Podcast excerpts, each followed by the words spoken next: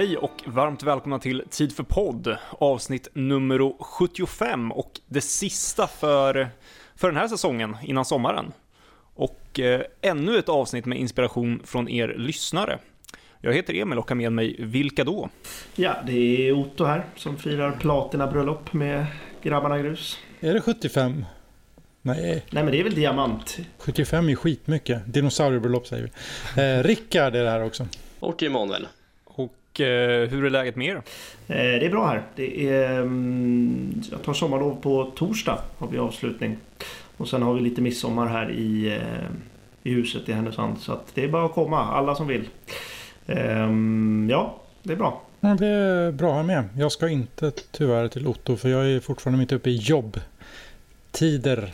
Så jag får väl min sommar om en månad. Men det kan man överleva med det här vädret. Det, det blir en bra sommar. Vi har ju också planer för vad som händer tillsammans senare i augusti. Så att, eh, mm, det kan bli en bra sommar där tror jag. En liten Bondresa. Kanske det. Oj, oj, oj, oj. Jag känner mig grymt formtoppad inför det här avbrottet i säsongen. Jag går in i någon halvtidsvila just nu och känner mig riktigt, riktigt nöjd bara. Eh, Du, du formtoppar lagom till pausen. ja, men precis. Ja, men typ. Jag, jag går in i toppen av tabellen här. Ja, men det är bra. Jag har fullt upp. Vi jobbar massor, har sommarkurser och kör på. Men fan, jag är rätt glad ändå. Så det, det är bra. Det är bra med mig. Det känns som att du mår, du mår både som bäst och som sämst när du jobbar som mest. Ja, men så är det nog. Så är det. Man måste stimulera hjärnan. Man får inte ta det för lugnt för mycket, för då blir man konstig. Hur mår du, Emil? Eh, bra, jävligt mycket att göra. Jag ska sprang hit från jobbet och ska fortsätta jobba direkt efter podden i några timmar. Så det, det är bra, det är mycket att göra. Mm, det är dedikation, sånt gillar vi. Men eh, hur, är de, eh, hur är de på Bond 25 då? Har de mycket att göra där? Det vet vi väl liksom. Vad händer? Det känns som att de har mycket att göra i liksom, problemhantering överlag. De spränger ju Pinewood och de skadar Craig och fan. Men eh, han hade lagt upp någon ny grej med O'Mace nu som han gjorde inför Spectre. Eh, tydligen. Där han eh, går runt inne på Pinewood. Och ser, har det härligt. Ja, precis. Ja, man kan, eh, man, kan vinna en, man kan vinna en resa till London och få träffa Craig och hänga med han på Pinewood. Mm. Mm. Så det eh, har ni, Det hade varit jävligt kul alltså. ja, så har ni inte sett det så tycker jag ni kan leta upp eh, James Bonds officiella kanaler och leta upp det där och slänga in det. Man var tvungen att skänka lite, lite pengar. Vad var det? Minsta, minsta var inte mycket pengar alls. My, många kronor. Men det är ju, det är ju värt det. Till, en bra, till ett bra ändamål liksom. Exakt. Men det hade, så jag är mer taggad på att göra det, inte för att träffa Craig utan för att träffa typ Chris Corbold eller något. Det hade varit ascoolt att snacka med honom om explosioner och grejer. Fan. Precis, du går runt med Daniel Craig så fort du ser Chris Goldberg så bara lämnar du Craig. Jävla Chris! Fan vad nice! Springer mitt när ni ska ta en bild. Bara, fan, där är ju... Men eh, jag har ju typ checkat ut från Bond 25 så därför jag, det var faktiskt i morse som jag såg den här artikeln från The Sun. Jag skickade den till er och jag, jag tror inte ett skvatt på den. Men jag tyckte det var väldigt roligt formulerat att det har blivit en fresh mutiny. Alltså en, ett färskt myteri på Bond-inspelningen. För att Cary Fukunaga har, och jag citerar eh, American filmmaker Cary Fukunaga was several hours late to a scheduled slot due to his particularly intense video game sessions. Alltså, Han har tydligen suttit uppe på nätterna och spelat PS4 och kommer sent till jobbet på morgonen, vilket jag inte tror på överhuvudtaget. Men Nej, det, det är helt uppenbart att det inte är sant. ja, det är bara att engelsk media älskar att grottas i att det har hänt några olyckor på den inspelningen. Så nu går allt åt helvete. Men eh, vad tror ni om det som det kanske fanns lite mer substans ifrån då? I och med att det faktiskt kom från eh, officiella Bondkontot med att, ja men lite hint om att eh, det är en ny Gun Barrel som spelas in Va? den här veckan. just det. Men var det en hint eller var det bara en kul grej? Det är ju där man inte vet, men eh, man kan ju, man kan ju tolka som att, eh, som att det är det som händer. Vad har jag missat? De la upp Casino Royale Gun Barrel när Craig vänder sig om. Och så står det New Week, New Beginning. Aha, jäklar. Där, där, hade du sett den Emanuel hade du direkt tänkt Gun Barrel, ny Gun Barrel. Jag tänkte inte det kan jag säga. Nej, Emanuels eh, hype-hjärna hade gjort det kan jag säga. Ja, nu fick jag lite gåshud där. Ja, det är bra. Ja, och eh, MI6 som vi pratade om tidigare, de skrev på deras konto att, eh, att de spekulerade i att det kan då ha varit flyttat om i eh, inspelningsschemat, då på grund av, eh, av Craigs skada. Och att man därför väljer att spela in Gunbrother den här veckan, som inte var tänkt sedan tidigare. Men det är ju bara spekulation. För den spelas ju i regel nästan alltid sist, då de börjar med titelsekvensen. Mm. Jo, precis. Eftersom Danny Kleinman är där då, antar jag. Och överser den delen. Mm. Men eh, det hade, ja, nej jag vet inte. Det känns ju väldigt... Eh, jag tror inte heller på det där med PS4-grejen, men det hade varit, det hade varit kul. Jag hade gillat Carrie Fortunario ännu mer. Faktiskt. Det händer lite. Ja, det hade gett den lite färg. Ja men faktiskt, det var ju någon som skrev typ så här eh, När det var någon som frågade kommer vi få den här filmen eftersom Fukunaga ska spela Battletoads varje dag typ. Så det var, det var väldigt roligt. Men eh, angående Craigs skada så verkar han ju snart tillbaka. Ja, De la ju upp en bild eh, förra veckan där, det stod, där han satt och tränade typ och de sa att jag kommer inte ihåg exakt, exakt vad det stod men det stod att han var redo för Mm. en vecka skulle han komma tillbaka. Ja precis så att den här veckan när avsnittet släpps så har han väl kommit igång igen. Mm. Om man ska tro det som de skrev i alla fall. Jag menar han blev ju skadad under Spectre också och den, den kom ju ut när den skulle så att jag är inte, jag är inte orolig alls. Nej, herregud. Ja, det var en sån fantastisk bild bara när han satt där och tränade. Det var så här, "Uff, jäklar nu. Han gör verkligen allt för att komma tillbaka. Ja, Nu är vi igång. Mm. Ja, den fick mig väldigt taggad på Bond. Överlag. den fick mig taggad på att träna. Jag hörde också, jag hörde också en grej om att ehm, Naomi Harris tydligen ehm, bara hade filmat scener på... Hon skulle bara ha scener i, i, ehm, i Pinewood och i London. Eh, och hon hade bara eh, blivit given en del av manuset. Så att ehm, det kan ju säga någonting. Men hon spelar väl bara in på Pinewood i Spectre också eller? Så det behöver Eh, inte... Nej, jag tänkte mest som i Skyfall var hon ju on location. Ja, där var hon ju det men inte... Ja, okej. Ja, men det är bra. Håll den på mattan. Ja, så håll den på mattan in i köket. Ja, det är ju spännande det här att om de initiella ryktena stämmer att trailern kommer till eh, nästa Fast and Furious-film så är det alltså om en och en halv månad. Det är... Ja, det är fan sjukt. Jag håller alltså. tummarna. Då kommer det, då kommer det börja pirra i byxan. Alltså. Ja. Men alltså jag, är- jag är nästan mer, jag är nästan mer eh, förundrad, eller ska jag inte säga, men över att det kommer en ny Fast and Furious-film. Jag fattar inte hur de kan mjölka den serien mer. Jag såg Fast and Furious 8. Eh, inte på bio, eh, fan heller. Men på, eh, hemma nu på, eh, när jag var hemma för en studentskiva. Eh, extremt dålig film. Men jag förstår varför folk går och tittar på den. För det är liksom popcornunderhållning. Ja, det är ju liksom... Det är ju lite kasta sten i glashus med tanke på att folk säger om Bond också så att... Ja, precis. Exakt. Så att jag, alltså jag, det var inte så att jag funderade på att stänga av den alls. Jag var ju underhållen men det var ju inte liksom kvalitet. Så. Nej. Men jag är taggad på trailern. Ska vi gå vidare där innan det här blir en Bond 25 eh, slash Fast and Furious podd? Ja, Ja, hemskt gärna. Eh, Då kör vi faktautmaning. och vem är bättre lämpad för det än Emil Grönholm? Ja, idag är det min tur. Och där var det en liten utmaning den här faktautmaningen för det finns inte så mycket, så mycket skrivet om det. Och eh, så jag har fått göra väldigt mycket research själv och kolla på filmerna och ja, spolat fram och tillbaka och hit och dit. Men jag är ju i alla fall väldigt, eh, ja, språkintresserad väl kanske mycket att säga, men jag tycker språk är väldigt kul. Så jag tänkte då ta tillfället i akt och prata om något som vi aldrig kommer prata om igen och det här är väl första gången vi ens nämner det i den här podden, nämligen språken i Bondfilmerna. Oh, Jävlar. För det har förekommit många språk. Jag lyckades, nu när jag gick igenom det, identifiera minst 19 stycken. okej. Och då är det i alla fall ett par som är osäker på vad det egentligen är för språk. Och sen beror det på, ska man räkna mandarin och kantonesiska som ett och bla bla bla. bla. Men minst 19 i alla fall. Eh, så jag tycker vi kör lite tid för språk här och det här kan, eh, ja som sagt, jag, jag kommer mjölka det här för jag har mycket som jag vill säga. Eller mycket, det har jag inte så mycket. så mycket. Jag ska inte hypa det här. eh, men som sagt, det förekommer många språk och då tyckte jag att eh, ja, man, man kan ju göra lite listor och sånt, det, det gillar vi ju. Men då kan vi väl bara slänga ut det. I vilken film tror ni att det förekommer flest antal språk? Och då menar jag som talas. Oj. Oj.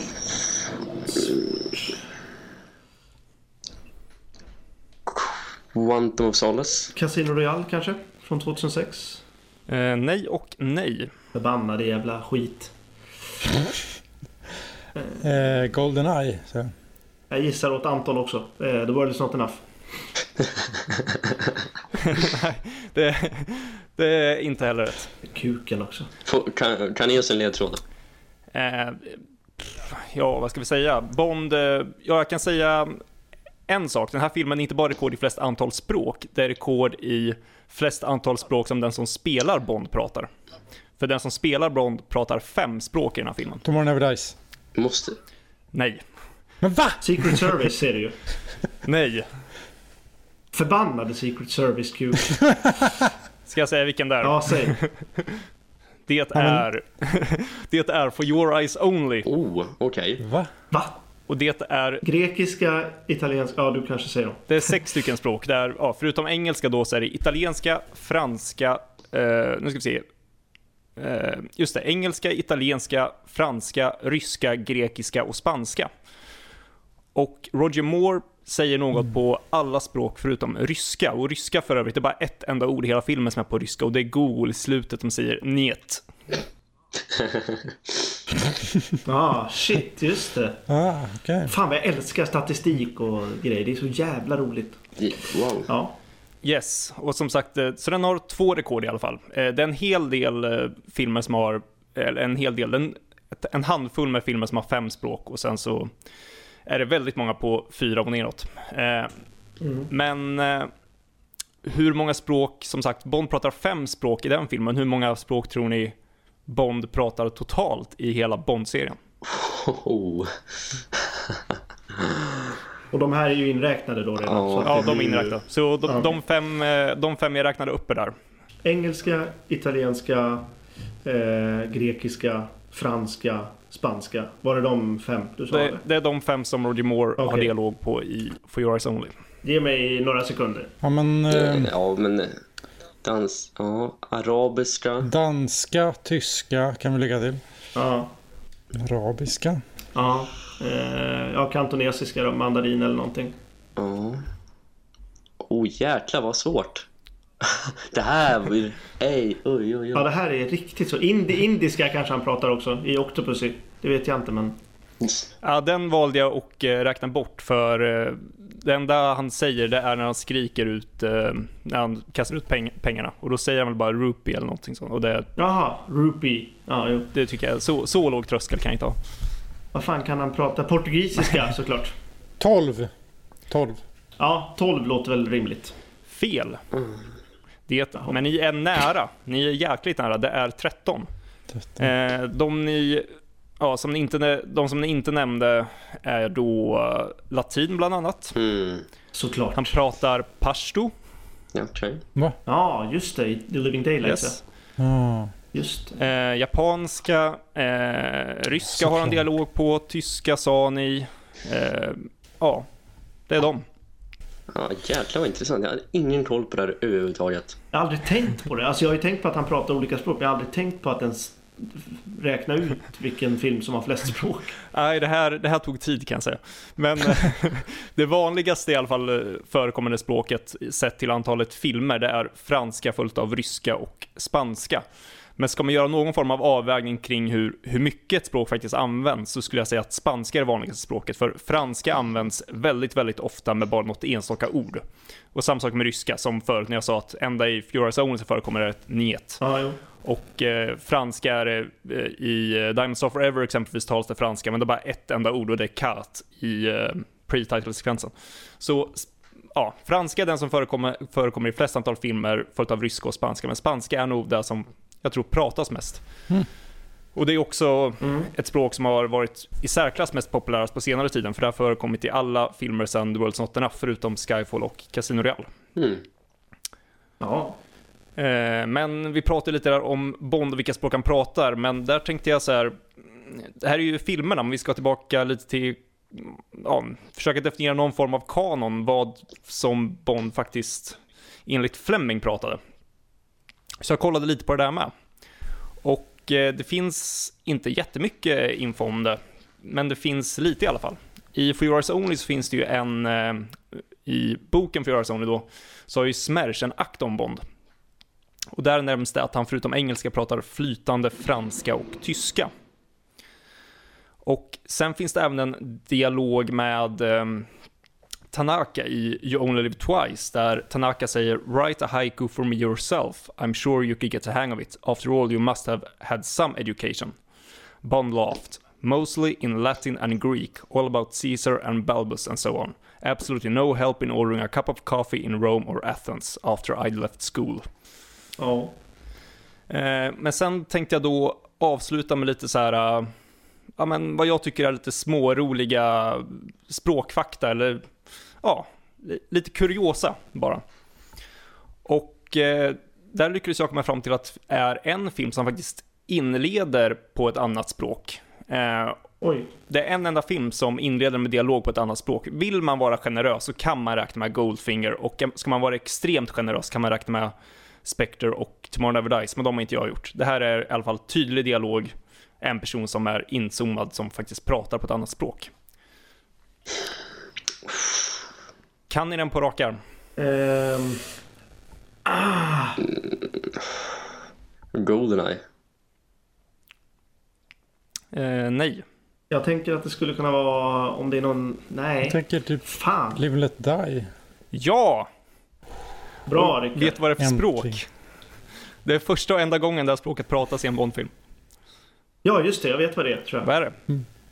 Ungerska va? Det stämmer. Åh jävlar! Här är det Bondnörderi så det skriker om. Ja. Yeah.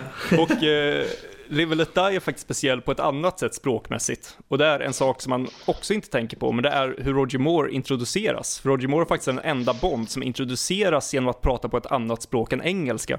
Hans första dialog är på italienska. Ah, just det. Eh, och sen en till rolig grej, eller rolig, men det är flera karaktärer som aldrig får prata det språket som de är ifrån. Och det är väldigt, väldigt många. Men jag tänker att bland de mest, eh, som jag tycker är mest striking på det här är Krilenko. För han ska vara bulgar, men han pratar bara ryska och turkiska. Och då kan man i alla fall få en hint om, av att de han jobbar med är ryssar och turkar, och inte bulgarer. Och sen har vi Mathis som ska vara från Frankrike, men som i stort sett bara har dialog på engelska och väldigt mycket på italienska och spanska, men inte på franska. Ja, märkligt alltså. Och sen det här är en, ja, det konstigaste eller märkligaste tycker jag över, överhuvudtaget när det kommer till språk i Bond-serien. Och där i The Man with the Golden Gun eh, så minns ni säkert scenen med Hips eh, brors drött- döttrar är väl i bilen. När de sitter och pratar med varandra och skrattar och fnittrar. Och det som är det konstiga med den här scenen, det är att den ena av dem pratar thailändska och den andra kinesiska. Jaha. Jaha. Ja, verkar funka ändå det där. så kan det gå. Ja, det verkade, Ja, det... det- verkade funka ändå. Eh, Precis, Som- säg bara någonting. Det är ingen som fattar, ingen som märker ändå. ja, exakt. De bara, de bara snackar lite med varandra. Bara, pff, nej, kör på bara. Men eh, där slänger jag, stänger jag igen tid för språk. Så fick jag mjölka, mjölka språk lite i den här podden. Jävligt intressant. Wow, hatten av. Svinkul ju. Ja, jag älskar, jag älskar sånt där. Det där är, det där är, ja. Du gav mig precis en idé till en faktautmaning som jag ska ha. Ja, fantastiskt. Eh, och eh, då tar vi väl och går in på dagens avsnitt. För som sagt, det här är vårt eh, sista avsnitt innan vi gör ett sommaruppehåll och vi tänkte avsluta då med ett avsnitt som, eh, ja vi fick lite inspiration från en lyssnare som vill höra, höra lite om oss och vårt samlande. Så det har helt enkelt blivit tid för oss och sommarlov.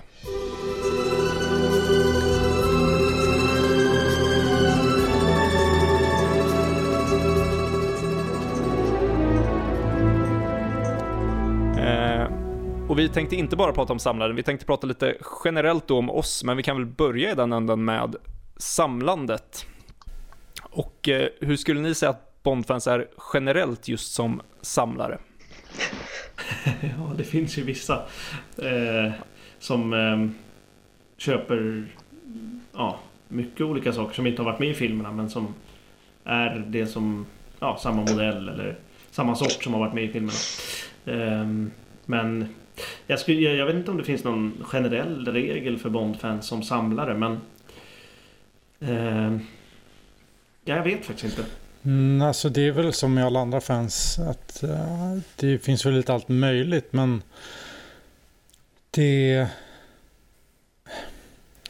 det känns som att det går att lägga så fruktansvärt mycket pengar på Bondgrejer. Alltså, för jag följer ju lite så här, um, finns det en um, grupp på Facebook som handlar om liksom, att samla Bondböcker.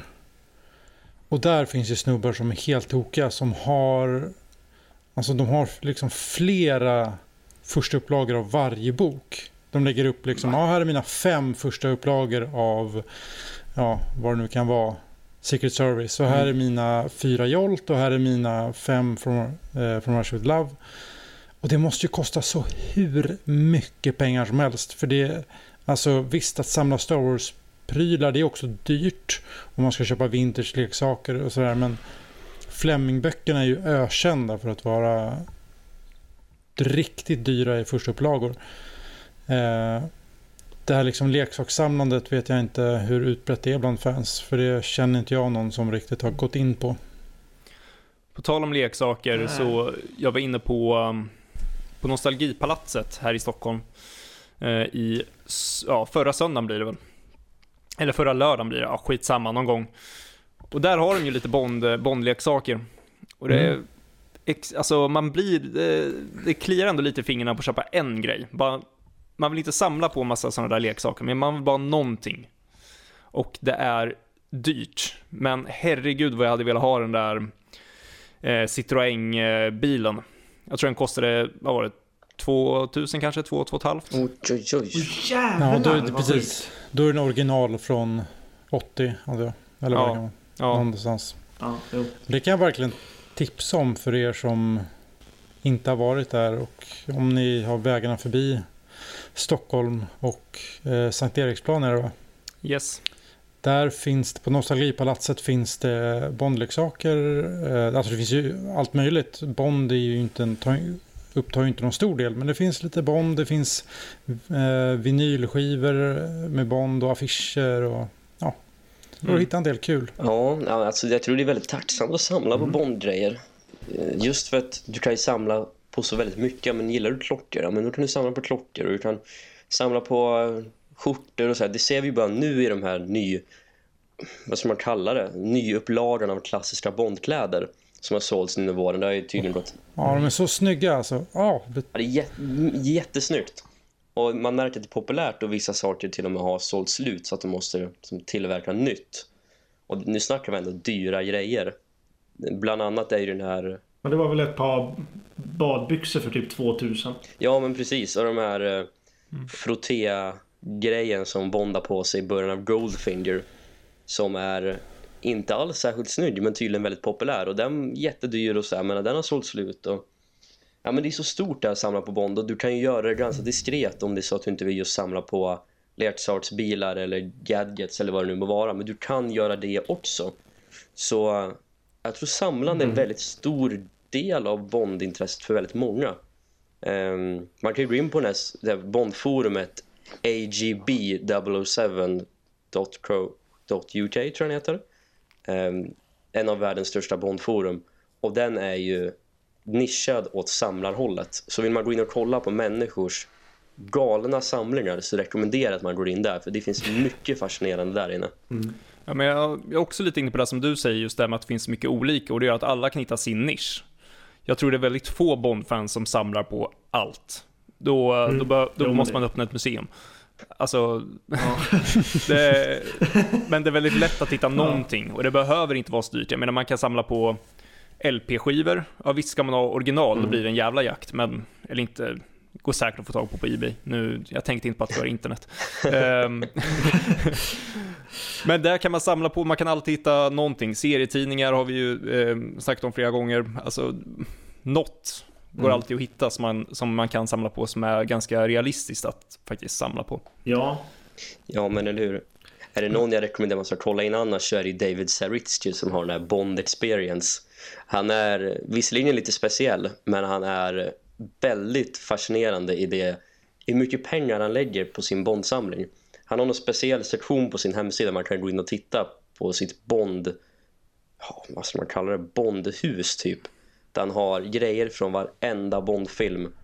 Och det är mer, ner till minsta lilla sånt här visitkort från Dr. No och framåt där han har allt. Så jag rekommenderar gå in och kolla där för det är fasen fascinerande. Och hur är vi som samlare? Ja, alltså vi, eh, jag har ju ändå en ådra i mig eh, av att eh, gilla att samla som jag försöker har försökt undertrycka lite på senare år för att jag har börjat inse att det är liksom det är svinkul i stunden att köpa Bondprylar och allt möjligt men i längden så kanske det inte ger mig personligen jättemycket. Det, det blir liksom en bokhylla full med grejer som bara står. Eh, och det försöker jag väl lite komma bort från. Men jag, jag har ju i alla fall ganska mycket böcker. Det är ju böcker som upptar eh, liksom det mesta av mitt bondsamlande. Och då är det liksom en bråkdel mot de riktiga rävarna. Men eh, det är inte en helt eh, obetydlig eh, hylla i vilket fall. Jag är fascinerad av din eh, bokhylla, Rickard. Jag var hemma hos dig första gången. Jag stod bara typ och gapade och tittade på den här hyllan. Det var mycket intressant som fanns där i.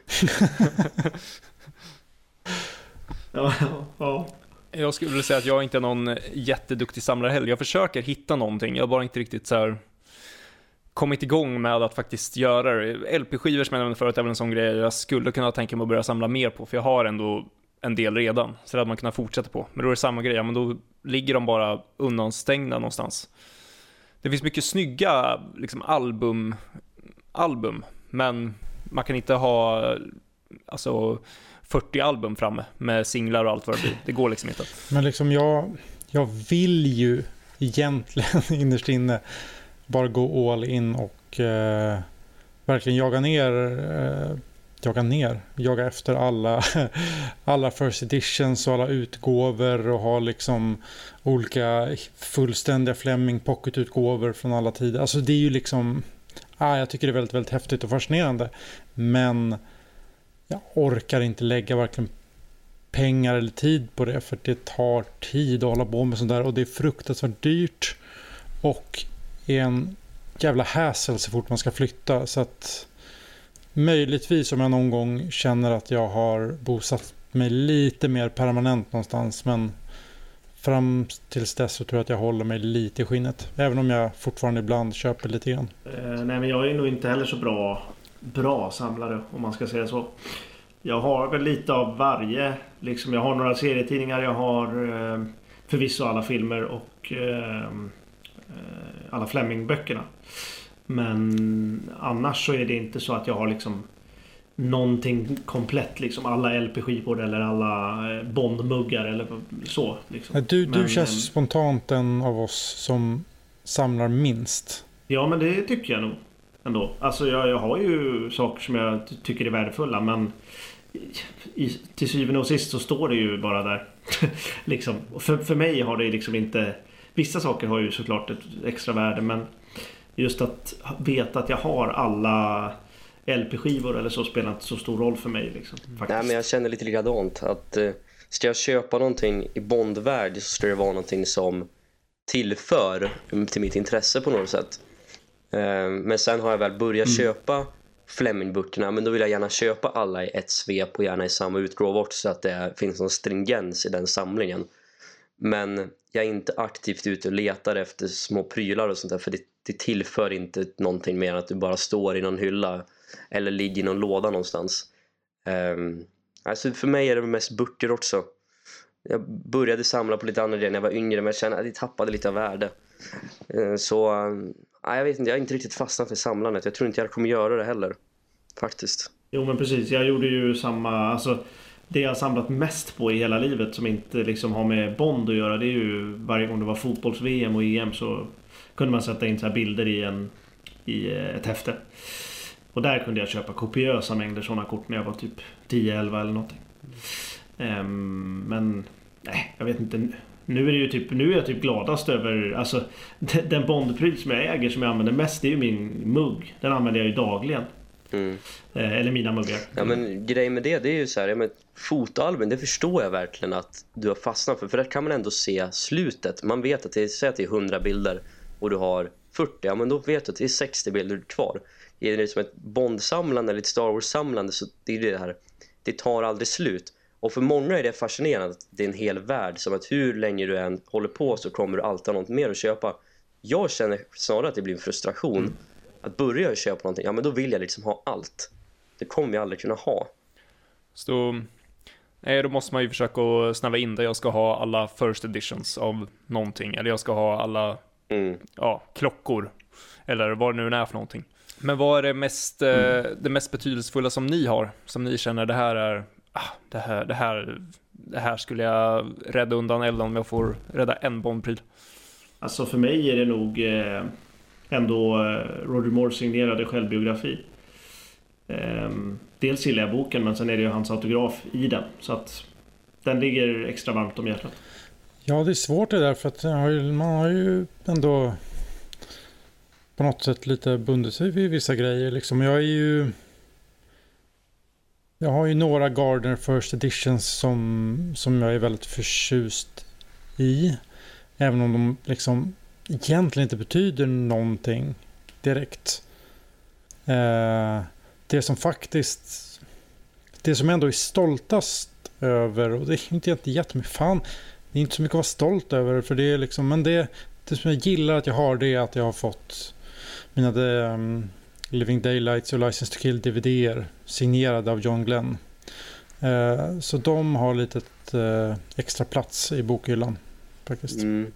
Nej, alltså, jag vet inte om jag har. Alltså jag tycker, jag gillar ju vad jag har såklart. Du, du låter allt brinna bara. Äh, fan, brinn ner, jag skiter i det. Böckerna brinner bra där. Eh, Du räddar din Star Wars Blu-ray-box istället. nej, nej, men jag vet inte. Det, jag gillar min samling för vad den är och jag hade såklart försökt rädda så mycket som möjligt vid en hypotetisk brand. Men det enda jag vet jag hade försökt ta det med mig och det enda jag vet jag hade blivit genuint riktigt ledsen över det är väl Blu-ray-boxen i sådana fall för att Bond-filmerna vill jag ändå behålla. Det är ett jättetråkigt svar men annars ju samla värde. Jag vet ändå att vill jag ha mina Bond-böcker igen, ja då kan jag köpa dem på nytt på valfri bokhemsida för att jag har köpt den, den senaste utgåvan liksom. så att jag har ingen sån högt värderad pryl. Inte ens eh, The Making of Quantum of Solace. Ja, sant. Den hade jag kanske ryckt med mig. Det, där har du en poäng. Det tänkte jag inte ens på. Jo, den hade jag tagit. För jag menar filmerna kan du också köpa igen. Det är därför jag inte svarar filmerna. Roger Moores, eh, Roger Moores signerade självbiografi är svår att köpa igen. Liksom. Samtidigt hade min lägenhet brunnit ner då hade jag nog velat någon gång ganska snart trösta mig med en Bondfilm. Men ja, Making of uh, Quantum of Solace, absolut. Ja. Nej men för min del är det väl också böcker skulle jag säga. Jag har ju tre styckna first editions. Två Fleming jag har, The Man with the Golden Gun och You Only Live Twice. Just. Eh, och sen så har jag också Colonel Sun eh, First Edition. Men den som jag Jävlar. skulle... de- Den som jag oftast liksom så här verkligen tar fram och tittar av och njuter av det är nog The Man with the Golden Gun. Men därför att jag tycker att det här avsnittet är så... Det här omslaget är så ofantligt snyggt.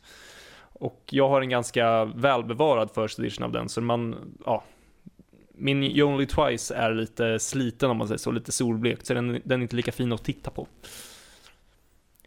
Eh, Så jag får väl säga den då. Mm, de är fina i bokhyllan där. Mm. Men möten, du nämner ju att du har, eh, eller två av er nämnde att ni har träffat någon med Bondkoppling. Men vilka mer har ni träffat? Ja. Jag har ju... Måste jag tänka efter. Men de två som jag kommer på är ju eh, Roger Moore och eh, Richard Keel. Ehm, så ja, två från, från samma film. samma filmer. Men ehm, vid olika tillfällen. Det ena var på sci-fi-mässan eh, som jag träffade Richard Keel. För en herrans massa år sedan. Det var säkert 15 år sedan. Ehm, jag fick skaka hand med honom och det kändes som min hand blev slukad av en hajmun typ. För den var så jävla stor. Alltså tänk, tänk er typ en och en halv hand på höjden och två händer på bredden. Ehm, typ. Så att ehm, det var eh, mäktigt faktiskt. Jag var sjukt eh, rädd. Hur, lite, hur gammal var du då? Då var jag 2000, ja, 2004 måste det ha varit. Eller 2000, Mm. ja, 2004. Så 11. Mm. Eh, då hade man ju precis slutat vara rädd för Jaws i The Loved Me. eh, men han var fortfarande läskig. För den scenen var ju läskig långt liksom in i åldern. Kände jag. När han jagar Fekesh där. Men... ehm, nej, så hade man precis slutat vara rädd för honom. Han var ju astrevlig så att det var ju inget, ingen fara så. Men... ehm, ja, så Richard Keel har jag träffat och ehm, eh, Roger Moore. eh, När han var i Stockholm och signerade sin självbiografi. Det är ändå fint att han åkte runt och signerade liksom. Ja, verkligen. Mm. Ja, Eh, han kanske gjorde något mer också men han satt ändå där, vad var det? Kulturhuset eller vad var det? eh, Roger Moore. Eh, det var Akademibokhandeln. Mm. Faktiskt. Varför åkte inte jag dit? Det här är jättekonstigt. Det här var konstigt. Ehm, nej men han var, han var ju han var ju läste någonting av Rudyard Kipling också på Konserthuset. Ja, det, eh, I samma veva. jag minns ju det här så jag minns ju att det hände men ändå gick jag inte dit. Nej, Sopa. men jag tror inte jag träffat någon mer. Nej.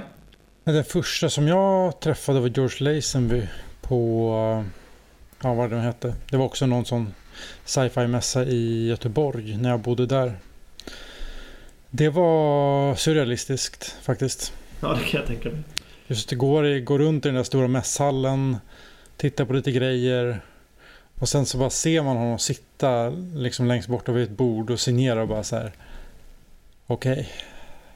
It's him. det var bara så här. Ja, jävlar vad konstigt det var att se han alltså på riktigt. Mm. Eh, Han var väldigt trevlig men jag var nog ganska sådär. Alltså man vet, jag visste inte vad jag skulle säga. Vad ska, vad ska, det blir bara så här, I love your movie, Mr Lazenby. ja, är bara- man känner sig som en riktig så här, eh, fanboy och jag gillar inte att känna mig som en fanboy så att försökte väl bara... Du gick, fram, du gick fram till honom och bara Hej, Rickard. Ja, typ så. Men alltså det var ju... Eh, man blir så jävla starstruck. Och Richard Keel han syntes ju liksom över huvudena på folk fast han satt ner. Ja, Så det var ju så här. Det var liksom... Ja. Det var... Roger Moore var också så. Det är liksom så många folk som var där på Akademibokhandeln och på en mässa. Så att det blir så här, och man ska träffa en person och när man ser den personen så blir man ju helt så här. Ah, sjukt. Jag, är väl, jag var där med Anton också som klipper eh, Mm. podden. Så att, eh, ja nej det var sjukt häftigt. Alltså det, när man väl gick fram dit så var det liksom, ja. Det, är liksom, det här är Roger Moore som har spelat Bond i sju filmer och som jag ser upp till liksom. Så Ja, att- jäkligt mäktigt. Fan, det var episkt. Ja, det var sjukt. Jag minns inte om jag skakade hans hand, men jag har för mig det. Eh, ja. Ta inte mig på orden men eh, jag vet inte. Nej men det är ju något, ja, framförallt när det är någon som har spelat Bond, det är väldigt eh, speciellt. Jag, eh, på tal om någon som har spelat Bond, jag sprang ju in i Pierce Brosnan på Kastrups flygplats typ halv sex på morgonen. I en, Klassisk berättelse. i en knalltom terminal. Eh, det var helt tomt där förutom jag och eh, ja, var det morsan var med och eh, morsans dåvarande man tror jag var med också. Eh, Satt vi på Kastrups flygplats tidigt på morgonen. Jag satt i typ mjukisbyxor och tryckte en jävla macka som man hade köpt, på, köpt där. Sån här plast, eh, sån här plastförpackning, ni vet exakt vilken flygplan, eh, flygplatsmacka jag menar. Eh, och så kommer vet du, Pierce Brosnan gåendes. Bara så här, man bara, va? Vänta, vad händer här? Då blir man så här he- helt jävla stum och man sitter där med en jävla massa majonnäs över käften i mjukisbyxor och bara, vad fan, vad händer här? eh, så gick han bara långsamt förbi och liksom runt oss och sen bort igen eh, mot andra änden av terminalen som han kom ifrån. Eh, och sen vi skulle flyga till USA via London och då eh, visade det sig att han skulle faktiskt med samma flight som mig så eh, jag flög tillsammans med honom till London. Ja, det är mäktigt. Mm. jävlar. Jag gissar, Jag gissar att han inte hade mjukisbyxor och majonnäs runt käften. Nej, han hade kostym. Såklart. Såklart. Klev på absolut sist och sen så, så fort planet stannade vid gaten så typ bara sprang han upp som om han, ja, det var som att han var med i Amazing Race och bara skulle springa av planet. Var det liksom eh, typ som The Wars of Snap? Move! Ja, lite så. Han, sa, han satt i och för sig allra, allra längst fram. Ja, okej, såklart han gjorde det. Hade du haft tid för poddchatten då, då hade du gått fram och fotat och skickat till oss. Hade du varit lite full, då hade du gjort det. Annars hade jag slagit dig. Sen har jag en story som är på det absolut exakt motsatta spektrat av coolhet. Eh, det var på, eh, det var på eh, Anders Freits filmsfestival häromdagen. Där var det massa folk och det är så här, ja, träffa folk, hur, vad, vad räknas man har träffat någon? Men då satt jag, väntade på att filmen skulle börja som jag tror var Octopussy då. Eller borde varit det. Satt jag där för mig själv typ i hörnet och sen så kommer eh, ja, men hela svenskgänget med skådisar. Så kommer Christina Waymore fram till mig och frågar, kan jag ta den här? Alltså stolen. Ja, ja det kan du göra. Det där har du aldrig sagt ju. Så det är på det exakta motsatta, det är på det exakta motsatta spektrat. Christina Wayborn frågar mig om en stol. Och du, du så här, säger ingenting mer förutom att ja, kan du ja men typ. Eh, ja. Uh, Fan, det är intressant ändå hur olika... För jag, hade jag sett Pierce Brosnan, jag skiter i om jag hade haft en bajs runt munnen. Jag hade gått fram och frågat ändå. Ja, nej men det var väl, eh, ja, så då satt de där vid bordet. Det var väl Christina Wayborn, Mary Stavin och så var det väl ett par till där. Jag minns inte vilka, vilka som var där. Du var ju också där, så du kanske vet. Nå, jag kommer, det var, ja, jag kommer faktiskt inte ihåg. Men det är just det här att de var ju där. Jag såg ju dem flera gånger men jag, jag visste bara inte så här, vad, vad ska jag säga? Alltså, gå fram och säga... Man kan inte säga jag älskar dig som Magda. Nej, alltså, jag vet inte vad jag ska säga. För det, det, det gör Man skulle kunna inte. säga hej vill utan bild och typ så här. Ja, Ja, men men jag det- vet inte. Exakt, men det är det som är grejen, för Pierce Brosnan, han är så pass stor, så då blir man bara starstruck och stum och bara så här, fan, man, man skulle haft en liksom, kostym i handbagage man bara kunde svida om lite snabbt och ja, kamma håret. Eh, han, han, han vågar man knappt gå fram till och sen så har vi det andra motsatta spektrat som är, ja, man blir imponerad, man vet inte vad man ska säga till dem. Så här, ja, vad, ja, Nej. Men det känns som att Roger, Roger Moore, hade jag träffat honom på stan likväl så hade jag ju gått fram. Men med Brosnan är man ju lite rädd för att han ska smälla till en typ. Fast han är ju, Eh, han är ju god och glad alltid ja men man har ju hört att han, man har ju hört att han ska vara eh, dryg liksom. Det har jag hört i Ja. alla fall. ja man vet, man vet inte vart man har den. Nej, han är riktigt... Alltså, det känns som att hans, hans humör styrs av vilken dag han vaknar på liksom.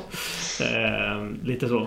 Sen en, en fortsättning bara på den, på tal om Brosnan. Sen när vi kom fram då, eh, jag var där och hälsade på min syra som var au pair. Eh, kom vi fram då så snackade vi där med den där familjen och det visade att den där snubben som, eh, ja, som min eh, syra bodde hos, han växte upp, eller han bodde på samma gata ett tag som Pierce Brosnan i eh, LA tror jag. Mm. Mhm. Jaha. Ja. Helt ointressant känner jag nu, som- men ja, skitsamma. Nej, men det, det, det var ju en, eh, en gammal kollega till mig vars föräldrar hade eh, träffat, eh, vad heter det, Brosnan på någon flyg. Det var typ Frankfurts flygplats tror jag. Ehm, och eh, så hade pappan till den här kollegan frågat bara eh, kan jag få ta en bild? Eller min fru älskar i, film, i filmerna liksom. Och han bara forget it. Och så hade han dragit typ. Så att det, det känns som att han skulle kunna vara astrevlig och Såklart han var i Tyskland. Ja, det hade varit roligt det väl om du gick fram och bara Dr. Arkov? Då hade, se, om, se om han minns. Skrika på honom. Barrowhawks were meant to be returned! Ja, han kommer in. Åh, vad roligt det hade varit alltså. Men däremot de två som jag faktiskt gick fram till och pratade med eh, på f- Anders Freys filmfestival. Det var ju John Glenn såklart. Eh, Mm. Men inte bara för signering. Där fick en selfie med han och jag kommer inte ihåg vad vi... Men det var i alla fall nå, lite meningsutbyten. Det var inte bara hej och hej då. Eh, och sen också selfie tillsammans med Robert Davi har jag också. Det är fan coolt alltså. Ja, alltså, där kan man snacka om en person som intar rummet när han kliver in. Oh, jag tänka mig. Alltså han får alla blickar på sig och han älskar det. Alltså Robert Davi är ju typ Frans Sanchez lite grann. Känns som. Han njuter ju av att... Ja, det är det som är lite obehagligt när man ser honom. ja, ja precis. John Glenn är nästan tvärtom. Han, han får inga blickar på sig. Han tar inte över rummet. Däremot, jag, jag snackade inte med John Glenn, men jag fick bara sån extremt härlig känsla av Han har alltid verkat så ja, men, trevlig. Ja, jo. Han känns, som en, han känns som en kille man inte vill ta en öl med, men han känns som en kille man vill fika med typ. Käka bullar ja, och dricka kaffe exakt. Typ. Det är exakt så. Ja. Och det är ju sådana, sådana människor älskar man ju. Det är lite samma med Roger Moore. Han vill man inte supa med, han vill man ta en typ te och kaka med liksom. Brosnan vill man däremot dricka med. Precis. Tea and shortbread. Ja, Brosnan och Craig vill man ju supa med. Connery vill man ju typ, jag vet inte. Spela golf med. ja, typ. Jävlar. Har eh, du något att eh, prata om Emanuel? Eh, nej, jag har, nej, jag har ingen, ingenting alls egentligen tillför. En intressant sak faktiskt som jag fick höra bara för någon timme sedan var att min eh, syrra åkte till Stockholm idag. Eh, och hon satt bredvid Ola Rapace på tåget. Eh, på sträckan ner. Och eh, han, ja. Jaha. Det lilla svinet. Ja, men precis. Jag har ju också, jag har också sett en, jag har också sett Ola Rapace på, Just. på Burger King vid Odenplan. Han gick typ och hoppade på, han, hade, han var helorange och hade på, hoppade på... I hyn eller? Nej, nej, gick på kläderna. Han hoppade på en Ducati-hoj och drog iväg sen. Eh, väldigt konstigt. Ja, Burger King på Odenplan som för övrigt är Sveriges största besvikelse. Ja, det kan jag nog hålla med om. ja. hon, hon satt ju bredvid honom på den här sträckan ner och han klev på typ i Sundsvall eller något sånt där. Och då skrev hon till mig efter en stund. Eh, jag sitter bredvid Ola Rapace på tåget. Ja, okej, okay, ja, coolt. Så här, jag vill ju inte att hon ska ta någon bild eller någonting med. Ingen vill ju störa Ola Rapace när hon åker tåg, det vet man ju. Men då skrev hon så här. Får jag slå honom? Va? Han är van att slåss på tåg. Ja, ah, okej. Okay. Ja, absolut. ja, oh, bra. Ja, det är snyggt. Ja. Han, skulle, men han känns också som en person som gillar om man frågar bara kan du, kan du slå ner någon här på, på tåget? Han, han skulle ju tycka om det typ. Ja, kan du slå ner tågvärden där framme? Jag hatar honom. Nej. Nej, men det är väl typ eh, det som hände idag. Men i övrigt har jag inte varit nära att träffa någon från någon Bondfilm. Ja, möjligtvis om jag, Anders Freid räknas. Han har jag träffat som har träffat en massa människor. Men i övrigt, jag har träffat er också i och för sig. du har indirekt träffat halva Bondvärlden. ja, precis. Men av alla de personerna som du inte har träffat Emanuel, vem skulle du helst vilja träffa? Ja, det är väl Pierce Brosnan eller Craig. Känns det som. Någon eh, speciell anledning till att det är just dem och inte typ Sean Connery? Jag tror inte jag skulle få ut så mycket av att träffa Sean Connery idag. Jag hade träffat honom på 60-talet hade det varit annat. Men Pierce Brosnan och Craig, de är fortfarande så pass virila och liksom, de har betytt mer för mig personligen också så att det hade varit en större sak att träffa dem. Inte bara för att ta en bild med dem utan om man hade fått chansen att sätta sig och snacka med dem helt informellt. Eh, hade, jag, hade jag tyckt var väldigt häftigt. Så det är väl de två då. Jag skulle nog ändå helst vilja träffa Sean Connery för att ja, han lär snart dö. Och då eh, hin hinna träffa honom. Bara, bara se honom någonstans hade gjort jävligt mycket. Ja, det hade ju varit grymt häftigt att bara få bara hälsa på honom mm. egentligen. Men av de som jag tror jag skulle kunna få någonting ut av, alltså sitta och prata med så Alltså ge mig Michael G. Wilson alla oh. dagar i veckan. Jävlar ja. det hade varit coolt alltså att få prata med honom. Han har ju varit med. Av de som fortfarande är involverade i att göra filmerna så är ju han den som har gjort och betytt mest. Mm. Jo, absolut. Eh, ja, Barbara Broccoli också såklart, men Michael har ju varit med längre. Så att eh, mm. det hade varit... Eh, mm. För Chris Corbold jobbade ju, hans första film var ju typ som någon extra. på uh, på uh, Moonraker var det väl han jobbade. Vi kommer alltid tillbaka till Chris Corbold. Eller Otto. Nej, jag tänkte på folk som hade jobbat uh, länge på filmerna. Chris Corbold började ju vid Moonraker. men han har ju inte jobbat lika mycket med som Michael Wilson som sagt. Ja, det är underbart. Men han är inte en av dem jag skulle vilja träffa om jag säger så. Men det hade varit kul.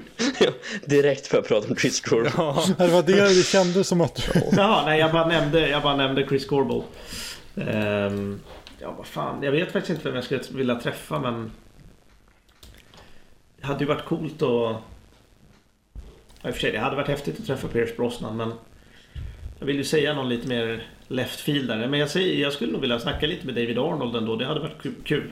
Ja, Han verkar ha en väldigt skön eh, humor. men också så jag är lite jag är mer fascinerad av de som har jobbat bakom filmerna än framför kameran. Av någon anledning. Ja, det, det blir för verkligt om jag skulle träffa Pierce Brosnan. Jag skulle vara precis som Emil. Alltså jag skulle, nej, det skulle vara svårt. Alltså. Till och med på en, någon av mina bättre dagar skulle det vara svårt. Skulle jag träffa Sean Connery skulle jag ju bara... Jag, jag, jag tror inte jag skulle få ut så mycket av det heller. Inte för att Sean Connery är gammal utan för att jag skulle bli så jävla nervös. Så jag skulle liksom... Jag, jag vet inte. Jag skulle... Jag vet inte, jag skulle känna mig som... Eh, vad heter han? Eh, Quist. Han som smyger in hos Bond i Thunderbolt. Som blir kastade hajarna. Eh, jag skulle känna mig som Ja. the, the, lit, the Little Fish. Skulle jag känna mig. Ja, man hade ju förhållit sig olika beroende på vem man hade träffat. Jag hade ju gett mycket för att få sitta i ett rum med Purvis och Wade och bara prata om karaktären Bond. Och hur de, liksom deras process från 99 och framåt, hur den har varit. Och om de var helt öppna och ärliga, det hade ju varit, det, det hade ju varit drömmen. Eftersom de är så mycket i det. Ja, Och jag tror att de är ganska skön. exakt. Sånt går jag igång på. Men det är ju men det är ju samma sak som med Michael G. Wilson eller träffa Barbara Broccoli. Det hade man ju huggit av ena Mm. armen för att göra. Sen, eh, det, det är ju någonstans en dröm, även om man hade, låt säga att man hade fått 10 minuter med Barbara. Hon hade ju inte Nej. sagt så mycket tror jag. Men Purvis och Wade känns som att det, det, de hade ändå kunnat varit väldigt ärliga. De har potential till det. Ja, men det känns så. Som vi snackade om i eh, avsnittet med eh, Fabian, när vi drog, drog upp den intervjun de gjorde med Empire. Där är de ju mer ärliga än vad man trodde de skulle vara. Ja, absolut. Ja, exakt. Ja. Alltså jag hade ju gärna träffat, men nu lever ju ingen av dem. Men jag hade gärna träffat Ken Adam eller Louis Gilbert och snackat Bond också. Men är det några du hade passat väldigt bra ihop med så är det de. Du kan ju sitta på något café med de två och bara prata en hel dag. ja. Och John Barry. ja, absolut. Och John Barry kommer in också en liten stund. Och kör en massa lekar med dem på. Ja, jävlar alltså. Ja, men det, sådana här träffar förutsätter ju en hel del. Alltså, visst, som du sa Emil, träffa Barbara Broccoli två minuter ger ju inte så mycket. Men hade man fått garanterat att hon är helt ärlig i en timme, det hade ju varit wow.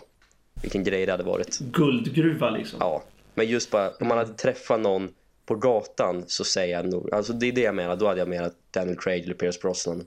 För att wow-känslan hade varit så stor. Ja, jo, absolut. Men hade ni tagit en autograf då, eller autografer inte något som ni bryr er om? Alltså får jag chansen så klart jag norpar åt mig en liten autograf. Men nej, det är ingenting som jag liksom bryr, om, bryr mig om så. Mm. Det var ju det som, eh, ja det sa jag ju inte förut. När jag träffade George Lazenby. Det var ju lite, jag hade ju lite oflyt om jag säger så. Oflyt. Jag hade inte liksom ännu fått med mig alla mina Bondprylar från Stockholm till Göteborg när jag bodde där. Så det, jag, snatchade liksom det enda Secret Service-grejen jag ens kunde hitta och det var soundtracket. Så jag har av någon skum anledning så har jag ett George Lazenby signerat CD-fodral. Vill man, eh, ja och på tal om George Lazenby signatur, vill man ha den så finns den faktiskt, eh, finns faktiskt en signerad eh, Secret Service-affisch på Nostalgipalatset som vi pratade om förut. Gör det? Yes, Ja, 800 spänn vill de ha för den. Tror jag det var, ja det om jag kan man rätt. väl eh, hosta upp. Nej men annars känns det som att eh, autografer har dött ut i sam med selfien. Ja, ja. För det var ju någonting, alltså en autograf förut betyder verkligen nå- någonting att få någon signatur, men nu kan man ju få en bild med personen. Ja. Ja. Alltså... Jo, men precis. Bild, är, bild skulle jag nog i så fall fråga om jag får ta. Eh, Ja, jo. Faktiskt. Jag tycker, jag tycker sig fortfarande det är coolt med autografer från typ... Som min morsa har, typ eh, Nacka Skoglunds eh, autograf till exempel. Eh, och Björn Borg har de träffat också, så att det är... Ja, det är stabilt. Ja, det är det är ju fortfarande coolt med det, men ja det, det är inte något man ber om idag på samma sätt. Nej. Nej, precis. En autograf, en autograf från någon man inte skulle kunna tagit en selfie med tycker jag är coolare än någon som man faktiskt skulle kunna ta en selfie med. Liksom. Ja, precis. Hade man fått välja båda hade man ju såklart gjort. Men i första hand hade man ju valt selfien. Ja, ja. Ja, Det är så svårt. Jag har aldrig liksom förstått mig på det här med folk som köper och säljer autografer på nätet, på Ebay eller Tradera. Alltså, ett, du har ändå inte träffat personen som du har köpt autografen av. nej. Och det Det finns ju inga garantier att, den, att det ens... Alltså det måste finnas så mycket bluffautografer ute som... Som eh, på nätet, tänker jag. Mm. Ja. Jo men absolut. Jag tycker, det, jag tycker just självbiografin signerad av Roger Moore är ju speciell för att jag fick den signerad av Roger Moore och jag var där liksom. Men det där jag tänker med, det är någonting personligt. Det är ju det är ju ett minne av att man har träffat den här personen. Jag, menar, Mm. jag tror inte... Fatta att köpa och sälja selfies med kändisar. Alltså... Det, Det är ju ännu dummare ja, men det blir ju inte- det är inte riktigt lika dumt som att köpa och sälja autografer, men det är ju... Det finns ju en väldigt personlig koppling till oavsett om det är en autograf eller en selfie, tycker jag i alla fall. Ja, precis. Om man har precis verkligen träffat personen. Ja. Ja, jo. Åh, Precis. jag har ju en sjukt obskyr Bond-autograf. Eh, jaså? Jag har inte ens träffat personen utan jag köpte en sak när jag var i England och så fick man till ett kort med hans autograf. Ja, Vad fan är det som det kommer nu? är han som eh, uppfann, Jag gillar... Jag, han som, det, är inte, det är inte ett namn, det, det, det är han som gjorde någonting. ja jag vet inte vad han heter, han som upp... Jag vet inte ens vad han heter, han som uppfann Little Nelly. Oj. Eh, jaha. Va? Jävlar vad sjukt. Jag köpte, jag var på något ställe och köpte en Little Nelly typ leksak. Den här, ja. Som finns, det här sättet med massa olika typer av bilar och fordon och grejer. Och då fick man med ett vykort när han sitter i den och så var det signerat av honom. Så jävla sjukt. Snacka om att kränga ut sina, sin autograf bara. Ken Wallace heter han Han tydligen. är för okänd för att åka runt på mässor. Just det. Alltså, jag, tycker, jag tyckte ju typ att det var... Alltså jag tycker typ det var mer givande att gå två timmar på eh, Bond in motion än vad det hade varit att samla på saker för mig. Ja men det är ju, ja. Alltså, det var sinnessjukt vad jag bara fick. Jag hade konstant gåshud alltså. ja. Ja, ja men du hade kunnat samlat på de bilarna. Nej, Med en bättre utbildning. det är... Ja, fast det pallar jag inte. Men eh, vilka, har ni några autografer som vi inte har pratat om än? Nej, jag har ingenting sånt. Ja, Danny Saucedos autograf. Jag har Börje Salmings autograf.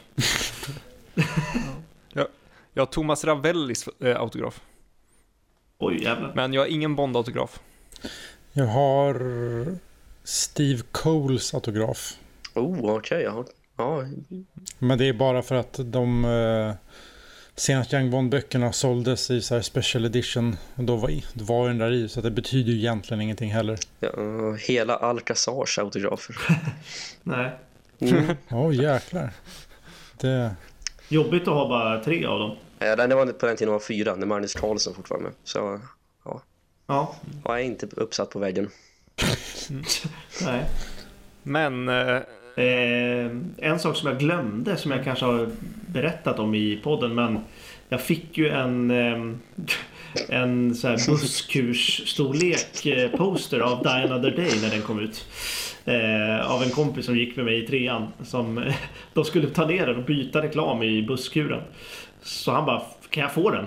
De bara, ja ta den, vi ska slänga den. Så gick han och bar den och där, den var säkert så här, vad kan den vara? En och en halv meter hög och ja, en meter bred liksom. Så den var stor. Ehm, Så den kom han och drog med till skolan och gav till mig. Tyvärr var det ju Die Another Day men När jag blev vän med dig på MSN typ 2008 så hade du som profilbild när du satt framför den affischen, typ tagen ur webbkameran. just det. Minns att det var en väldigt stor affisch Ja. och att du var väldigt liten. Nej, den var, den, den var väldigt stor. den, var, den var väldigt stor. han omslöts av Die Another Day. den, eh, den Ja. bilden vill jag se. Den finns nog på Facebook tror jag som min första profilbild. Oh. Men upplevelser. Vad, eh, vad har ni upplevt som Bond-fan som är, ja, när, när, vad, vad är det, det största ögonblicket för er på ett eller annat sätt? När det verkligen, ja, gåshuden var över allt annat, tårarna rin- rinde, vad som helst.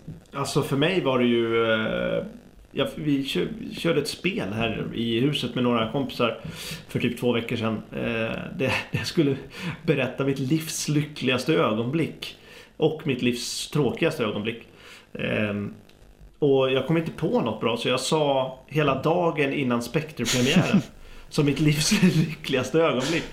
Um, för det var, det var en så sjuk dag. Jag jobbade ju den dagen. Och sen så möttes Anton och jag upp och eh, mötte, eh, mötte er först va. Och sen så gick vi och mötte eh, ja, Svalis och lite andra folk. Mhm. Och sen drog vi till Caliente va. Mm. Så den dagen var... Och sen när vi satt i... Du och jag Emanuel satt och höll handen. Och kände på oss att det skulle komma en Gun Barrel för vi hade ju haft koll. Eh, och så gjorde det det och sen så var det bara två timmar av liksom euforiskt vakuum liksom i huvudet. Så att ja, det, den, den dagen var speciell. Säga att med, medan ni gjorde det i biografen satt Emil och jag tittade på varandra och så här. Mhm. Vad är det som händer? Vad gör de? Vad gör de? Jaha.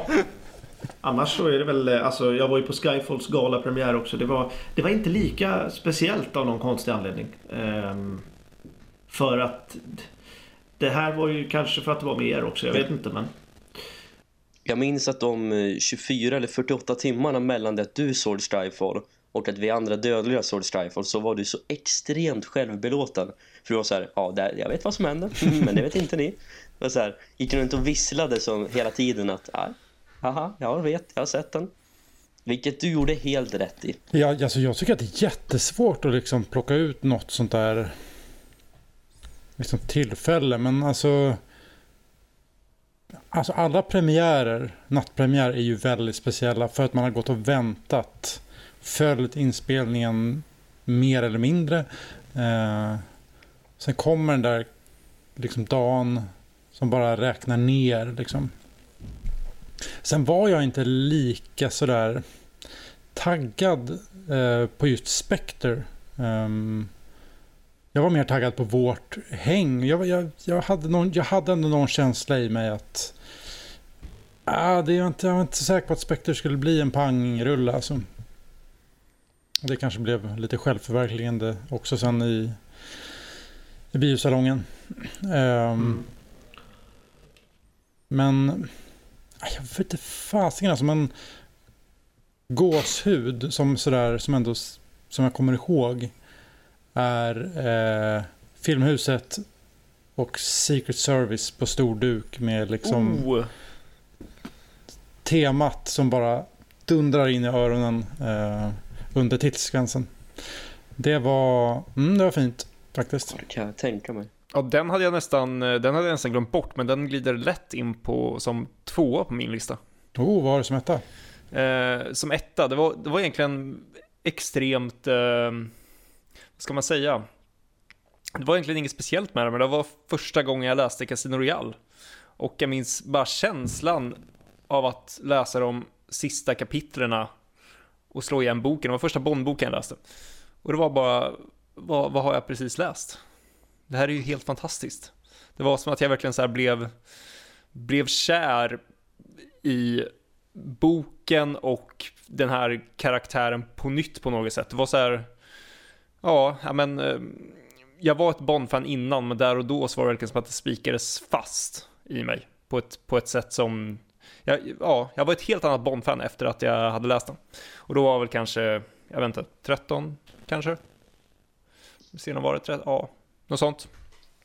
Ja, Det var en väldigt speciell känsla. Men annars, det filmhus när vi, eh, Secret Service, det var också helt otroligt. Alltså under, under förtexterna är det verkligen bara, jag, jag har nog aldrig haft så mycket gåshud någonsin i hela mitt liv som första 30 sekunderna av, eh, av förtexterna. Herregud. En sak som också var väldigt... Eh, det är ju definitivt inte ett gåshudsmoment men det var ju när vi var i London och kollade på The Living Daylights och den eh, väldigt gladlynte britten som satt två rader bakom oss och skrattade tre minuter efter skämten hade kommit. Och skrattade åt allt också som inte ens var skämt. Ja, det var så sjukt roligt. Det var ju, det var ju jävligt... Först var det irriterande men sen blev det så jävla kul bara. Ja, nej men det var speciellt. Till slut så blev det att man började skratta åt honom. ja, precis. Men eh, en potentiell eh, gåshudsframkallare skulle ju vara om eh, du Rickard på din arbetsplats fixar en Bondkonsert. Jag vet. Ja, jäklar. Då hade jag fått gåskuk kan jag säga. Den är inte helt avskriven bara så att ni vet. Men den är inte Mm. heller på tapeten just nu. Tyvärr. När, när Bond 25 kommer så blir det liv i luckan, jag lovar. Jag kan ju hoppas det. Alltså det finns ju många, många ögonblick man har haft. Eh, som har... Ja men alltså OS-invigningen är ju det stora ögonblicket. Det är det. Jag har aldrig haft så mycket gåshud. Jag tror jag aldrig varit så euforisk i mitt liv som... Nej, alltså du kommer, du kommer ju, du kommer ju behöva liksom när, när, du, när du blir pappa om du blir det någon gång så kommer du ju liksom så här. Du är, du är tvåa, OS-invigningen var bättre. Ja, men jag vet inte vad det var med den kvällen för att det, är ju, det var OS-invigningen 2012 alltså när Daniel Craig och eh, drottning Elizabeth gör sin grej där. Eh, Bond träffar ju henne och de åker helikopter genom London och sen hoppar de fallskärm. Det är ju i sig en väldigt, väldigt intetsägande sekvens egentligen. Det betyder ju som ingenting överhuvudtaget. Men just det var som det ögonblicket då jag accepterade liksom att jag är ett Bond-fan på något sätt. För innan dess, då var det som att ja, men, man går på högstadiet, inte jättecoolt att ha ett specia specialintresse där. Man gick inte runt och dolde kanske, men man, man gjorde som inte en grej utav det på något sätt. Men när den kvällen kom och det var som hela världen ser det här, det är Bond, det största som kan hända liksom. Så jag, jag bara slungades upp i den här euforin att Bond är någonting så pass mycket större än en själv. Så jag, när det här klippet väl går igång, jag bara sitter och skriker rakt ut, helt okontrollerat bara. Ja, gör massa gutturala läten i fem minuter. Jag filmade ju det där också. Ja, alltså jag. Ja, precis. Jag har aldrig sett eh, en hel OS-invigning. Eh, men nu satt jag, då satt jag liksom och kollade för att jag visste att det var med någonstans. Mm. Eh, men det var, jag, liksom, jag var i chock efteråt. Jag filmade inte eh, tyvärr. Men eh, jag var ju liksom i så här, det, var, det var som att man hade varit med om typ blivit rånad eller något. Alltså det var samma, samma känsla liksom. Ja. Adrenalinet var liksom uppe till tusen. Jag minns också att jag satt och tittade på det där eh, OS-invigningen och väntade på att det här skulle, skulle komma och så kom det och då hade jag kanske den lite mera vad ska man säga, intetsägande känslan då. Då var jag mer bara, jaha, ja, det var ju coolt. Ja, vad, vad, vad, ska, jag- vad ska jag göra nu? Gå och göra lite te kanske? Alltså, det var så här, Det är den rimliga känslan. Direkt efter kommer Mr Bean också. ja men det är bra. Fan, Ja, det är bra. Ja, Ja, det, ja, ja. Det var ju det mest, det mest brittiska under Ja. 10 minuters period. Det är ju, ja, det är ju liksom det stora ögonblick för mig. Och där och då så liksom mitt bondintresse gick upp i ett det gick upp i högvarv på något sätt. Jag tror jag jag vill inte säga att jag pikade i mitt bondintresse för det hoppas jag verkligen inte att jag gjorde där och då men det gick från en nivå till en annan den kvällen och sen kom hela den här Skyfall-hösten och man levde ju och andades Bond i typ ett år framåt efter det. Men det var exakt, eh, exakt den känslan jag kände när jag, hade, när jag läste Alltså läste sista sidan av Casino Royale och kände igen boken att ja, men nu har det verkligen höjts till en helt ny nivå. Nu är, nu är jag någon helt annanstans när jag var innan. Ja, Ja, paradigmskifte i intresset. Ja, Alltså jag, jag kände, jag kom på en till eh, gång nu när du nämnde eh, OS-invigningarna och eh, jag hade extrem gåshud och hypen för Skyfall drogs igång när man fick höra den där 30 sekunders eh, Oh. sneak peeken av Skyfall med Adele. Eller Adele menar jag. Ehm, den var, ja, den var, då var det ju sjukt. Alltså jag, jag rewindade den säkert 30 gånger och bara eh, körde igen liksom. Om och om och om. Alltså den, den hösten var någonting väldigt speciellt för allt som hände var ju stort bara i, i Bond. Låten, trailern, första klippet som gick på tv, ah, reklamen, parfymen, Ja. allt bara hände. Eh, Ja. Så det var väldigt speciellt. Ja. Jag minns att jag hade en livlig diskussion med min bror om eh, huruvida, vad heter det, kören i Skyfall-låten var bra eller dålig. Och jag sa att den var bra. Han tyckte det var för jävla dåligt. Eh, har jag för mig i alla fall. men har ni haft något ögonblick som kanske är det motsatta, som ni trodde skulle bli helt otroligt, men som bara, eh, alltså, det blev en besvikelse eller bara föll platt? Ja, eh, Living Daylights på bio i London. Där var jag väldigt, väldigt taggad att se en klassisk Bondfilm i London med er. Och sen, den, jag tror jag till och med sa det till er efter att jag tyckte filmen blev sämre efter att jag hade sett den på bio. Men det var ju snarare för att biosalongen var så pass dålig och det var så dåligt ljud. Jag blev aldrig engagerad i filmen. Mm. Det är det som sticker ut. Alltså, sitter man, sitter man i en bio och knappt hör vad de säger, då är det någonting fel på ljudet. Ja. Man ska liksom inte behöva anstränga sig för att höra filmen. Nej, precis. Nej. Nej, det var... Ja, den är nästan där hos mig med. Det var ett fiasko. Alltså... Svårt det där. Jag har väl förträngt det typ. Men eh, alltså... Just där och då var det kanske inte det. Men när jag såg Quantum of Solace på bio så blev jag så jävla besviken. Så att jag gav den en 8 av 10. Ehm, I liksom ren förnekelse bara. Ehm, jag minns att Anton sa det till mig bara Så bra var den inte. Och jag bara Jo jo, jo jo, det var den.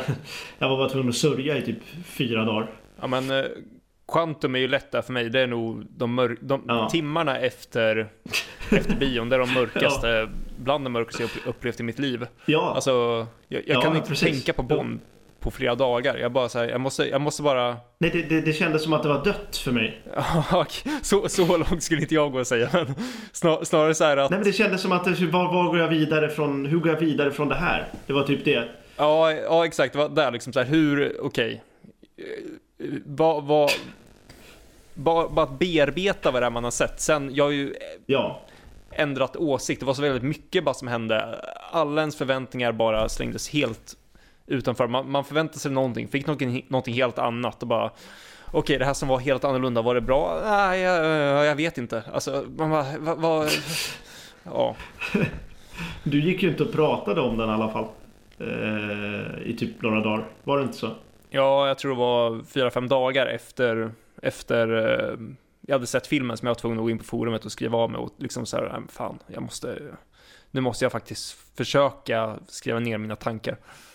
Alltså jag, ja, jag har ganska lätt för att bli lite så halv nöjd när jag upplever nya, nya grejer. På gott och ont. Nej, men, eh, Ja. Jag var ju efter Die Another Day så var jag så här. När jag kom ut från biografen så var jag så här. Vad hände? Vad har jag genomgått? Det är en sorts sjuklig eh, rening av helvetet som har passerat genom mig. Men det var jätte så här. Fan ska jag skratta? Ska jag gråta? Vad, det- vad har jag? Eh, Quantum Solace tyckte jag ändå var ganska bra på bio. Jag var mindre förvirrad av den än, alltså Skyfall var jag så här, oj vad var det här? Quantum Solace var, ja det var en hyfsad film, varken mer eller mindre. Ja, jag var mer, ja, jag visste vad jag hade den ganska direkt. Men det sjuka är att det, det, den punkten, om jag tänker så här, när jag blivit som, liksom, mest besviken egentligen som Bond-fan, om det har kommit en, någon, någon ny bok, när Carte Blanche kom så bara, ja det var väl en okej bok. Men när Varger kom, alltså, inte det här, jag blir inte ens, liksom inte ens uppgiven för att det är dåligt, utan jag blir liksom arg, frustrerad, hur För du hade ju ändå lobbat lite för den i avsnitten innan. Precis. Och bara så här, hur kan den här saken finnas framför mitt ansikte? Varför, vad gör den här i mitt liv? Var väldigt, Jag minns, jag minns den grejen också när det skulle komma någon stor reveal sa de. Och så var det att det skulle komma serietidningar. Då blev man fan riktigt förbannad för det var mitt emellan Spectre och Bond 25. Och så bara sitter vi och bara, är det Bond 25-revealen? Nej, det var serietidningar. Då blev jag riktigt besviken. Ja. Helvete alltså. Ja, då blev jag nog snarare så här, ja men det är väl kul. För jag hade inte förväntat mig någonting inför det överhuvudtaget. Värre var det ju efter Danny Boyle hoppade av och de skrev att vi have a big announcement och så var det att de hade rea i 007-shoppen. det var ju det riktigt jävla fuck you-finger till alla fans. Ja, eh, fast det senaste, det senaste fuck you-fingret de la upp det var ju We are absolutely thrilled to be delaying the film two months. Då var jag fan arg.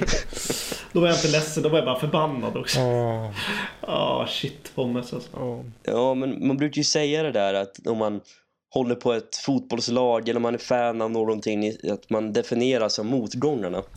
Jag kan inte säga att så är det med, med mitt bondintresse. Att mina motgångar eller dalarna i mitt bondintresse, de kommer jag som inte ihåg.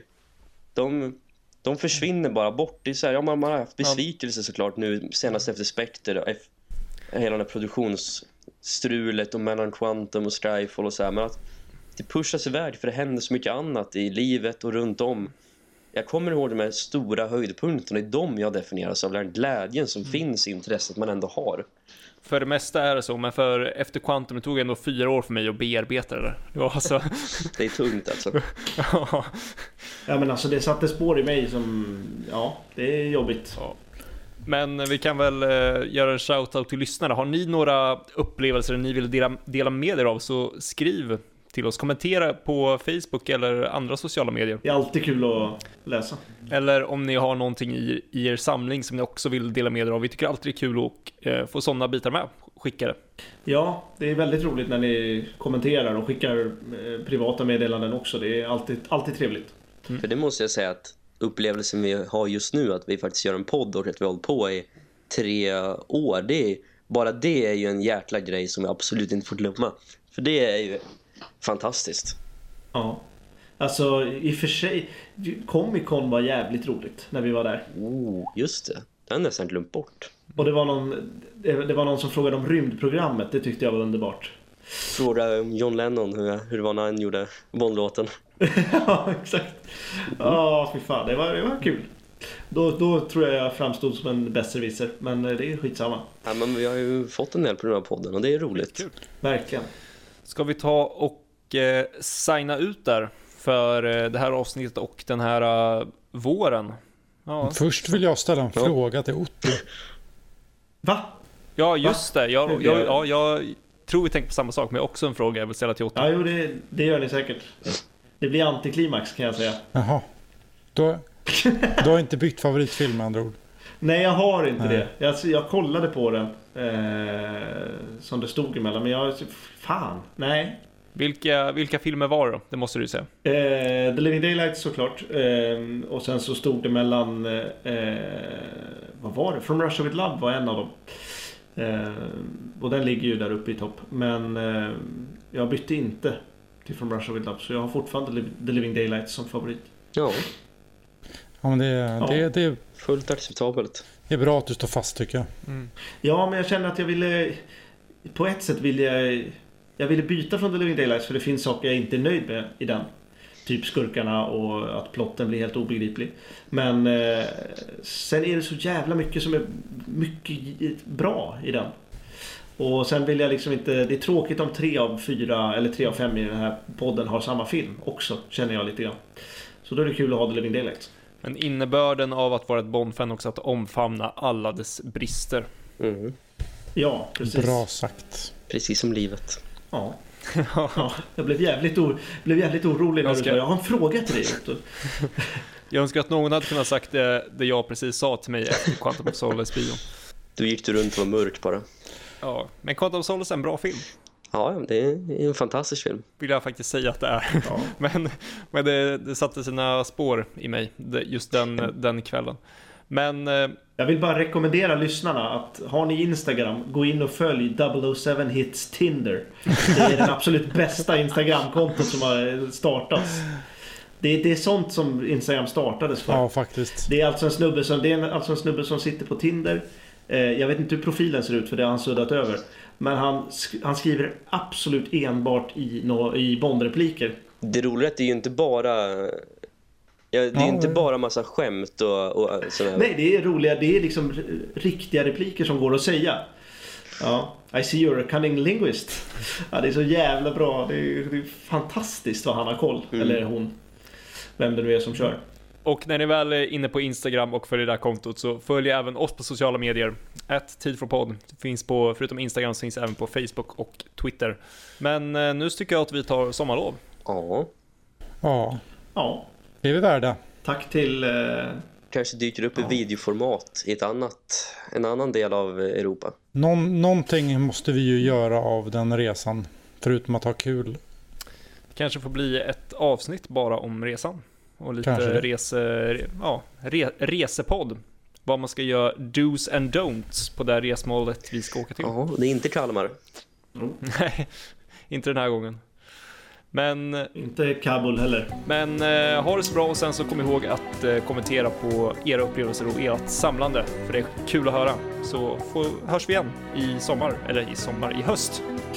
Höst. Ja. Eh, tack för att ni lyssnar och glad sommar och ja, ut och njut. ut och njut. Glad sommar alla älskvärda människor som orkar med oss. Tack och godnatt.